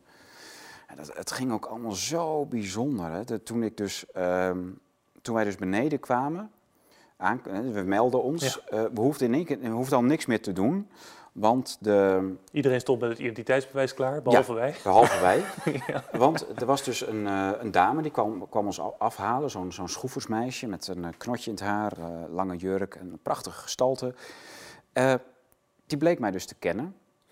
Dat was dus een van de boezemvrienden van mijn oudere zus, zo rond de 20 jaar geleden.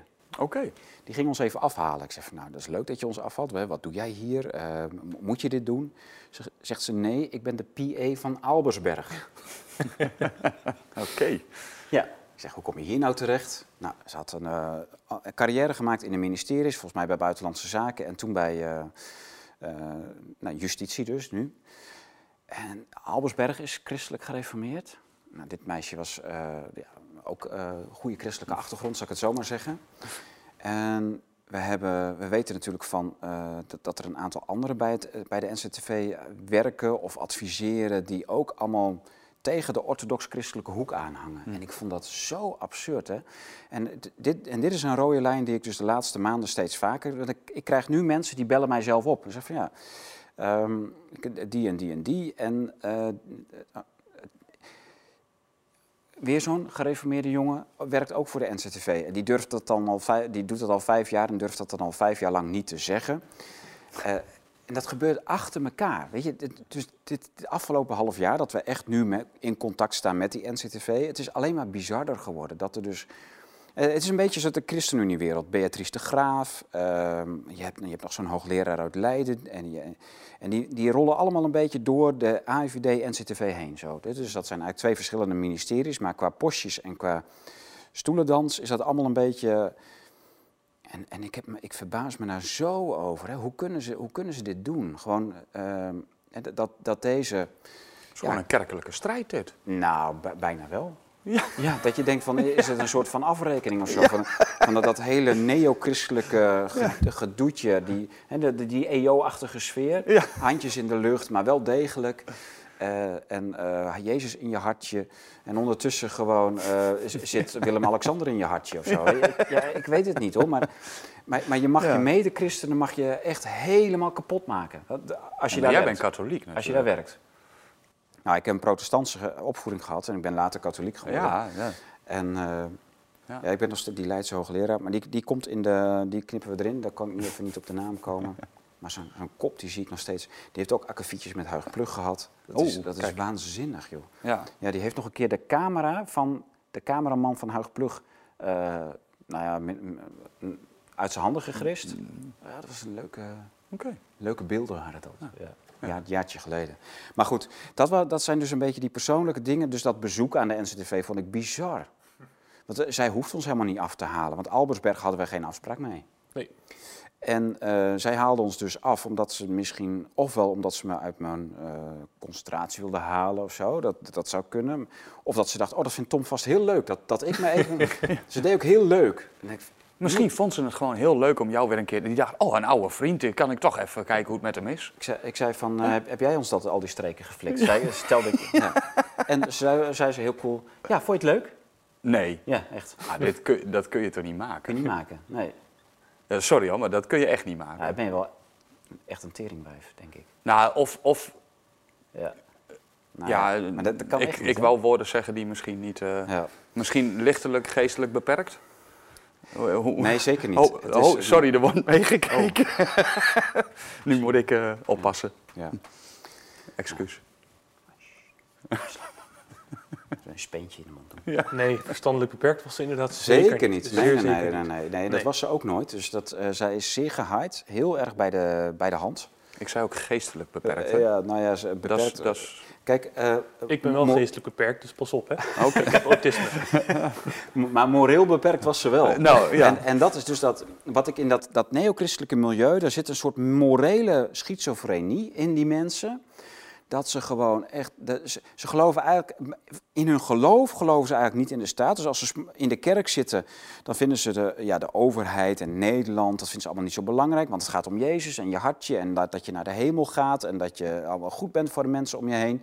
Maar dan door, door de week werken ze gewoon voor een, een onderdrukkende organisatie. Een organisatie die mensen laster, lastert.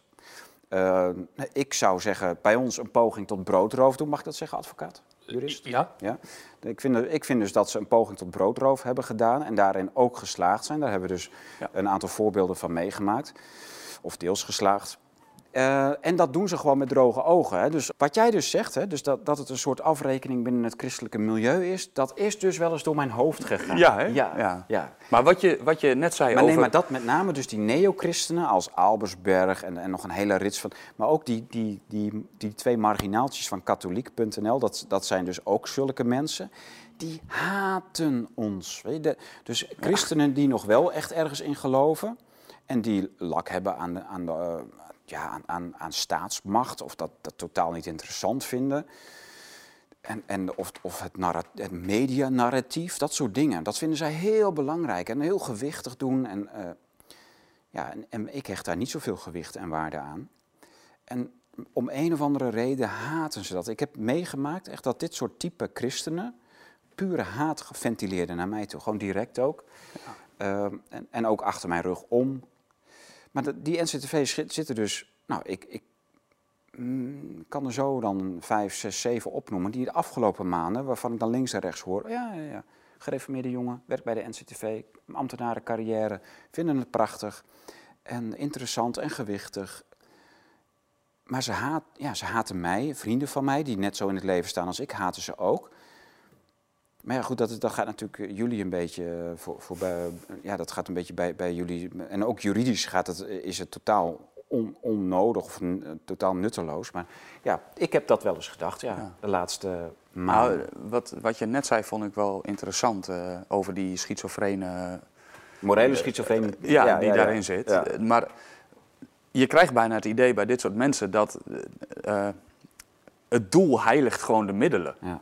En ik denk echt dat ze NCTV en dat soort als een middel zien om, Ja. om een ideo- ideologie na te streven. Ja. Dat Ze dat, dat, ze dat, zijn- bijna de... Zo'n Albersberg is, een, echt, is echt een mannetje. Dus dat is wel echt. eh, die, dit is wel een. Hij heeft wel, in zekere zin heeft hij wel karakter. En die, die eh, dame die ons afhaalde, in zekere zin, ik ken haar dan eigenlijk al twintig jaar, ze was eigenlijk geen spat veranderd. Dat is echt een dame met karakter. Maar er zijn ook een heel aantal waarvan ik, waarvan ik weet, die hebben gewoon geen karakter. Dus, dus het, het is nog niet eens dat je kan zeggen, ja, het zijn allemaal mensen zonder karakter. Dat kan je nog niet eens zeggen. Nee, Maar er is wel iets heel raars aan de hand. ja, nou, dat is zeker. ja. nou, heeft onze jurist nog eh, wat leuks eh, of wat interessants? Of, Nee, als, eh, ja, ik ben heel nieuwsgierig. Ik ben, blij, ik ben blij dat je lekker aanschuift, eh, Max. Want Ja, wel gaaf. kijk, ik weet in mijn eentje weet ik niet helemaal goed wat ik wel en niet kan zeggen. En voor je het weet, eh, ja, zeg ik weer dingen die niet handig zijn. Of eh, ja, daar, dit, is dit al niet handig? Even een slokje. Dat is niet handig. Ja, ik denk Top. dat eh, het recht op vrijheid van meningsuiting zo fundamenteel is en zo zeer Ja, in ons zit, dat we allemaal wel weten hoe we dat wel en niet mogen gebruiken. ja. Dan eh, spreek je nu de moraliteit aan? Ja. Ja, ja. ja. Ja, maar er zijn dus heel veel eh, grote mysteries die in deze zaak hangen. En eh, ik, ben er eigenlijk, doen, eh, ik ben er eigenlijk niet zo heel veel mee bezig. Dus ik, ik laat Max vooral aan het werk. Dus ik, het is ook lekker hoor, want we hebben natuurlijk heel lang gezocht naar überhaupt een jurist die ons wil bijstaan tegen de NCTV. Het was echt 80 keer mislukt. Allemaal advocaten die het niet wilden. En heel interessant. Oh ja, heel interessant. Oh, geef me maar een stuk. Nou, ik doorsturen, die stukken doorsturen. En dan hoor je er niks van. Nou, vijf weken later, eh, ja, eh, ja we, we denken dat zus en zo de kansen liggen.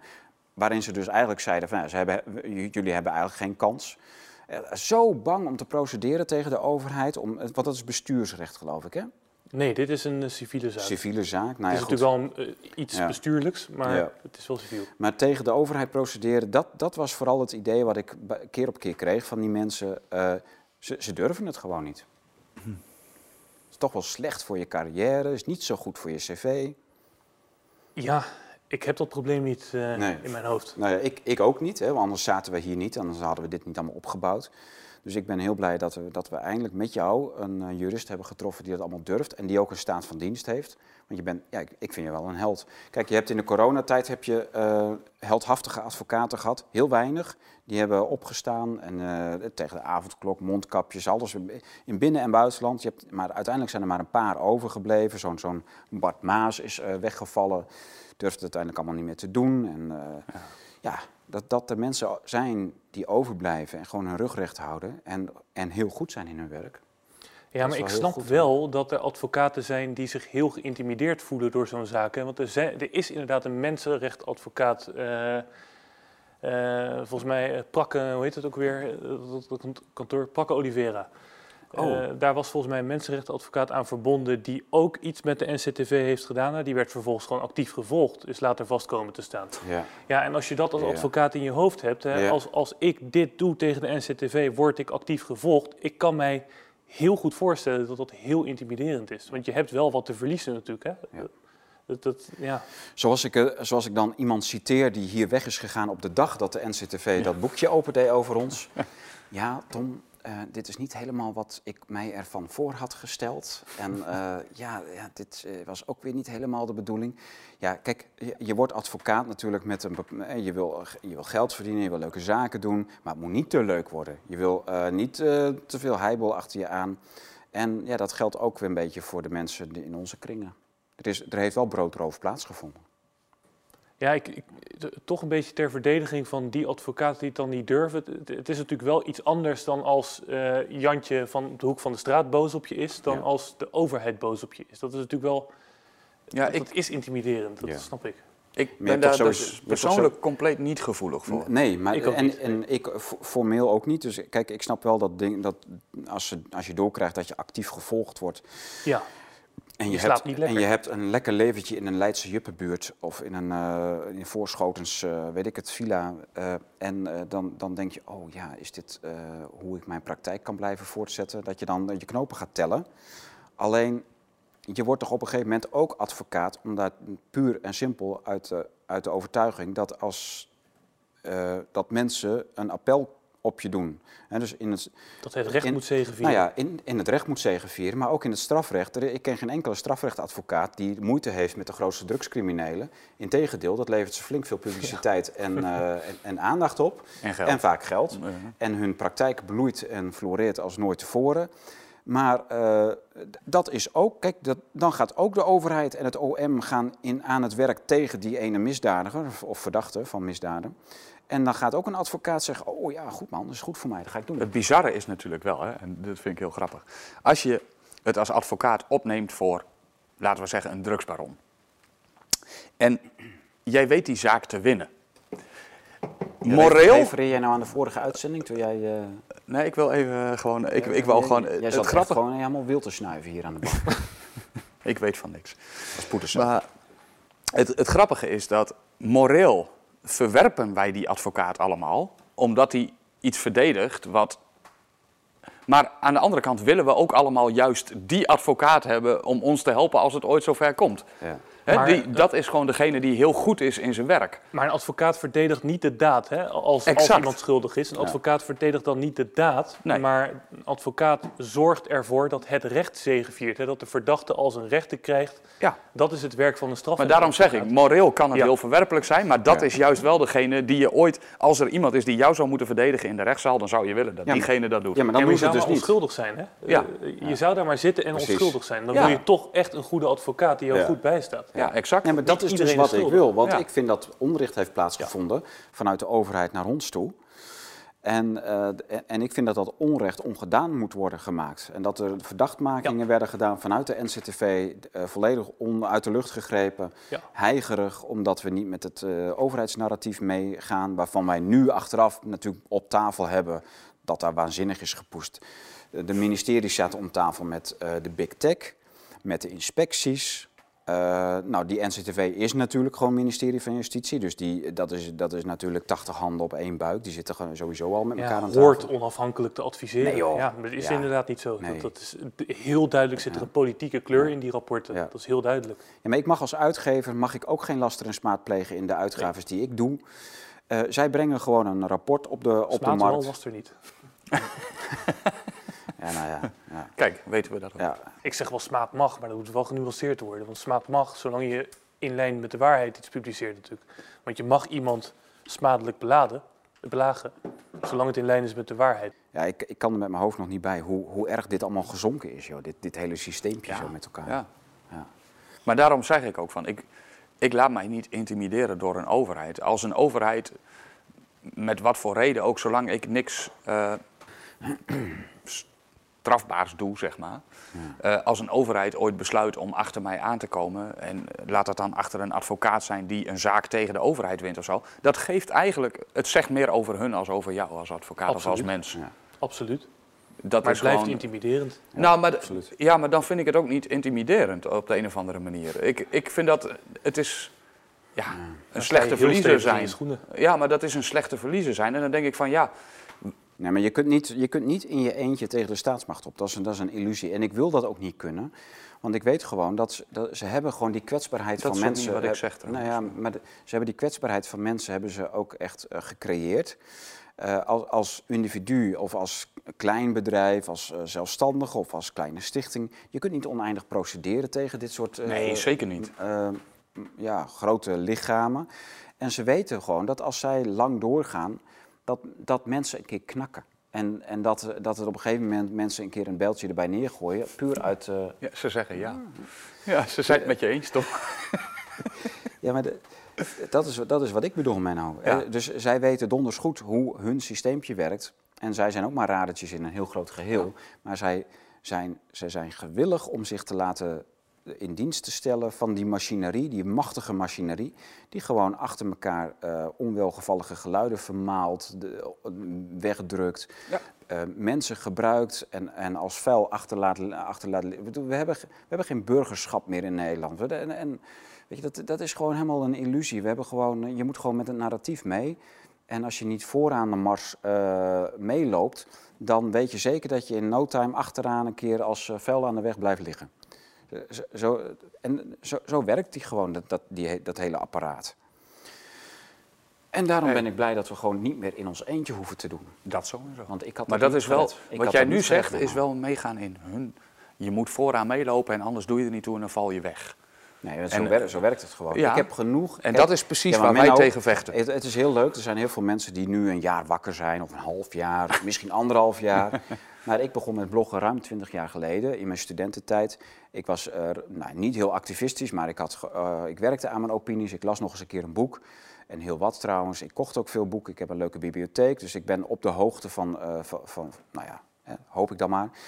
En ik heb in die meer dan twintig jaar heb ik heel wat mensen zien wegvallen. Die gewoon op een gegeven moment uitgeput zijn. Die denken van ja, ja, ja ik stop er maar mee. Ik, ik red het niet meer. Ik, de energie is weg. En dan, uh, soms noem je dat een keer een midlife crisis, omdat iemand zo iemand rond de 50 is. Maar meestal is dat het gewoon niet. Je hebt er gewoon, je loopt kapot. Je loopt je kapot op dit soort machtige, lobbige ja. instanties. Ja. Omdat je gewoon geen vooruitgang ziet. En Kijk. En in deze tijd, we zijn niet meer alleen. We zijn, in die twintig jaar geleden hadden we in Nederland gewoon een handjevol activisten. Gewoon uh, oud-linkse mensen, die waren nog opgegroeid in de, met de ideeën dat je mediakritiek kon bedrijven, staatskritiek en systeemkritiek.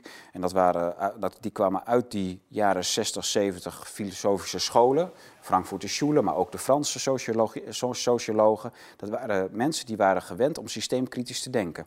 En je had aan de andere kant een handjevol rechtsconservatievelingen. En die kwamen ofwel uit de christelijke hoek, maar waren ook systeemkritisch, overheidsneutraal zou ik zeggen. Want uh, het liet ze gewoon koud. Ze waren niet echt anti-overheid, niet pro-overheid, maar gewoon ja, uh, overheid is gewoon niet belangrijk. Is gewoon, uh, hoor je eigenlijk niet zoveel van te merken. Dat, dat, ja, dat idee. Dat, nou ja. ja. Maar, um, en dat ja. was eigenlijk meer het rechtsconservatieve. En, en die vonden elkaar eigenlijk nog niet zo heel lang geleden. Na, bij het Oekraïne-referendum kwamen die groepen echt massaal samen.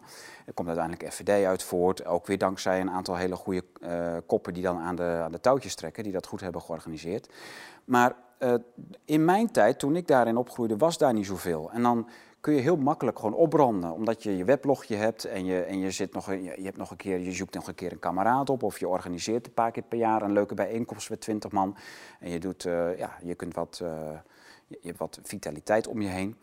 Maar ja, er zijn ook heel veel mensen gewoon opgebrand in die, in die jaren. Ook al voor mijn tijd. Of doorgedraaid. Ja. Of uh, ja, nou ja, tegen de muur opgelopen. En dat, ik ben heel blij dat we dat in deze tijd, dat we echt in een ander tijdperk leven. Eigenlijk sinds 2015, Oekraïne-referendum. Dat ja. heeft echt wel een soort, uh, dat was een momentum waarin dus alles omgekeerd is. En waarin er dus, uh, een, er, is, er, was een momentum waarin toch wel massaliteit gecreëerd is. En dat is met die boeren doorgegaan en met corona doorgegaan. En dat is eigenlijk nog steeds dezelfde groep die maar groeit en groeit en groeit. Ik denk, ik denk wel dat, uh, jij zegt Oekraïne-referendum. Maar het systeem kreeg natuurlijk ook al een hele grote schok met Pim Fortuyn toen de tijd. Dat is echt wel, denk ik, een schok geweest. En ik denk ja. dat daarna dat. Hè, de, ja. dat het wel schokjes, meer schok, Exact. Ja, en op een gegeven moment dringt het een keer door, zeg maar. Dat, dat is wel. Uh, ja. Ja. dat is het erge. Het dringt niet door, want ze zitten er nog steeds. Terwijl nou, zo'n groot deel van de bevolking ontevreden is. Maar ja. dat is natuurlijk uh, die vorming uh, van die macht. Hè? Die mars door de instituties die ze hebben doorlopen. Ze hebben alles in hun macht. Maar je ziet wel dat het aan alle kanten knaagt en wringt. Ja. En, nou, en... dat vond ik dus ook wel leuk. Hè? Die gewopte brieven van Hugo de Jonge. Daniel van der Tuin moet echt gewoon een, die moet een lintje krijgen. Ja. ja. Nou, al geven we hem zelf aan, uh, want van de koning zal hij hem niet willen hebben. maar, maar dat je, dat je zo'n Hugo eigenlijk in brieven al helemaal uit zijn plaats ziet gaan. Ja.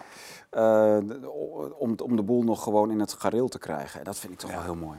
Ja, jij zegt inderdaad het begint door te dringen. Maar ik denk dat als jij als uh, kabinet een halve burgeroorlog veroorzaakt... Hè, want, want heel veel burgers zijn het overal mee oneens... en heel veel burgers demonstreren echt op harde wijze... Op het moment, ja, als jij dat veroorzaakt als kabinet, dan moet je gewoon opstappen. Maar dat gebeurt dus niet. Dus ja, Nee. ik, ik denk niet dat het doordringt, helaas. Nee, nee eh, zij zitten in hun eh, ivoren toren. Ja, bij hun niet. Ja. Ja, Ja. maar ja, Bij ons, ja. Ja. Maar ze- kijk, uiteindelijk... Ons de- mensen. En ze gaan eh, een keer weg. Ja. we gaan een keer over die lege, die, die eindeloze eh, kantoorvlaktes, al die verdiepingen waar de NCTV heeft, eh, zit. En hè, dat ministerie van Justitie aan de, aan de turfmarkt. Zo. We gaan- op een gegeven moment, er komt, er komt een tijdperk waarin we daar gewoon als burgers ronddolen en zeggen van ja, joh, ze zaten hier met z'n allen. En, eh, Complotten te in- bedenken. nee, Nou. pa- papier te verschuiven en, en totaal dom te wezen. Want het zijn ook, ja, dat stuk van Pels Rijken ook, ja, dat, is, echt- dat is echt... Nou ja, goed, we gaan dat in november gaan we dat eh, uitgebreid in de rechtszaal. Eh, we gaan even een cameraverzoekje erbij doen, dat we dat gewoon kunnen uitzenden of, en opnemen. En we moeten ook niet te hoogmoedig zijn. Hè? Nee, Want voor zeker hetzelfde niet, geld want, een eh, negatief vonnis. ja, Ja, nou ja, Ja. ja. Ja, Ja. maar eh, dat zal niet aan Max liggen dat dat, als dat gebeurt. Eh, u kunt eh, ja, ons blijven volgen om op de hoogte te blijven van de, het verloop van de gebeurtenissen. Maar dit was wel echt een, een, een heel goed. We hadden de stukken, we hebben even een paar vergaderingen gehad om te overleggen. En eh, we hebben de datum voor de zitting.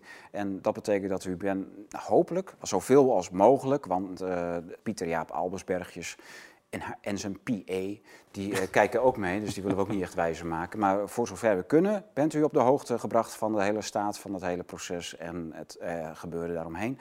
En ik zou zeggen, u moet echt even inschenken als u dat nog niet hebt gedaan, want eh, dat, dat lucht op. Nou. Zo, Max, Dankjewel. heel erg bedankt dat je hier Ja. was. Ik wens jou heel veel succes, ook met de zaken van de boeren die ongetwijfeld niet stoppen. En waarin je nog heel veel, waaraan je nog heel veel werk zal hebben. Ik hoop dat de zaken van de boeren wel stoppen en dat ik helemaal geen werk meer heb. Heel eerlijk gezegd. Ja, ik, ik vind het hartstikke leuk. Ja, dat is heel, maar- goed, maar dat hebben wij ook Ja. altijd gezegd. Ja, ja. Als, als hier alles stilvalt, de blauwe tijger, dan betekent dat Nederland weer top is. Ja. En dan, dan, dan ga ik lekker bij mijn buurman aan de slag, ga ik op de trekker rijden. Ja, nou, zo is het wel. Ja. Wat ga jij doen dan? Ja, eh, Terug naar die eh, eh, mijn 100 huis euro van figuur A naar figuur B krijgen, ja of niet? incassozaakjes.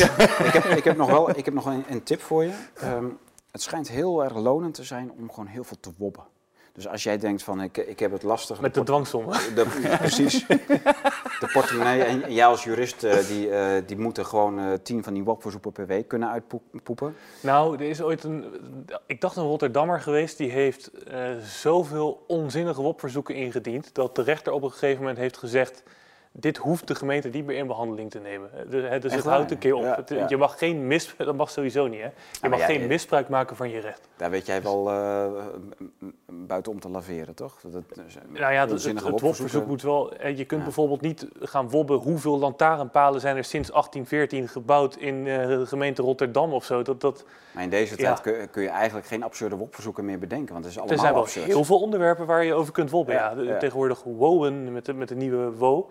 Eh, maar inderdaad, de- Ja. Omdat, het bestuur, omdat het bestuur is afgeschaft, wou je zeggen? Of de... Nee, het is nou eh, wet open ja. overheid. Precies, de wet is veranderd. De Ja. WOP bestaat niet meer. Ah, ja. Het is nu de wet open overheid inderdaad. Ja. Vanaf eh, 1 juni volgens mij. Ja, 1 het, ja. Ik, ik ben er nog niet achter wat er nou exact veranderd is. Ik geloof dat... Nou, het verandert nooit ten goede, dus er zal Nee, toch maar- wel echt iets... eh, Ja, nou ja, als je de veranderingen leest op de overheidspagina, is het heel week, mooi. Volgende week gaan wij die WOO even Nou, de- fileren. sorry even voordat ik een hele hoop werk moet gaan doen. Maar eh, volgens mij hebben Jeroen Pols en Willem Engel daar al een keer een Oh, uitzending over gaan wij gemaakt. dat zeker niet doen. Dus ja, als Ja. iemand... Ja, Ja, met hun juridisch journaal. ja, Ja. Nou, dan moet u daar even dacht zoeken. ik. Als ik me niet vergis, eh, maar... Willem Engel, Jeroen Pols, Juridisch Journaal, Café Weltsmerts. Die doen hele goede dingen. Het is echt het absolute topprogramma van Weltsmerts. Vind ik echt ontzettend goed en belangrijk dat ze dat doen. Oké. Ik, ik weet niet of jij dat wel eens kijkt. Maar... Nee, Nee, oké. Nou, ik vind het heel leuk. Eh, wij gaan pauzeren, ja. Hè, Ja. Man, we gaan pauzeren. En dan ehm, gaan wij eh, na de pauze eh, bezig met de andere gast die hier zit mee te koekeloeren en te luisteren. En eh, we gaan jou weer even eh, uitzwaaien. Ja. Ja. Bedankt voor je komst. Wij gaan- dankjewel. Ja. Tot eh, na de break.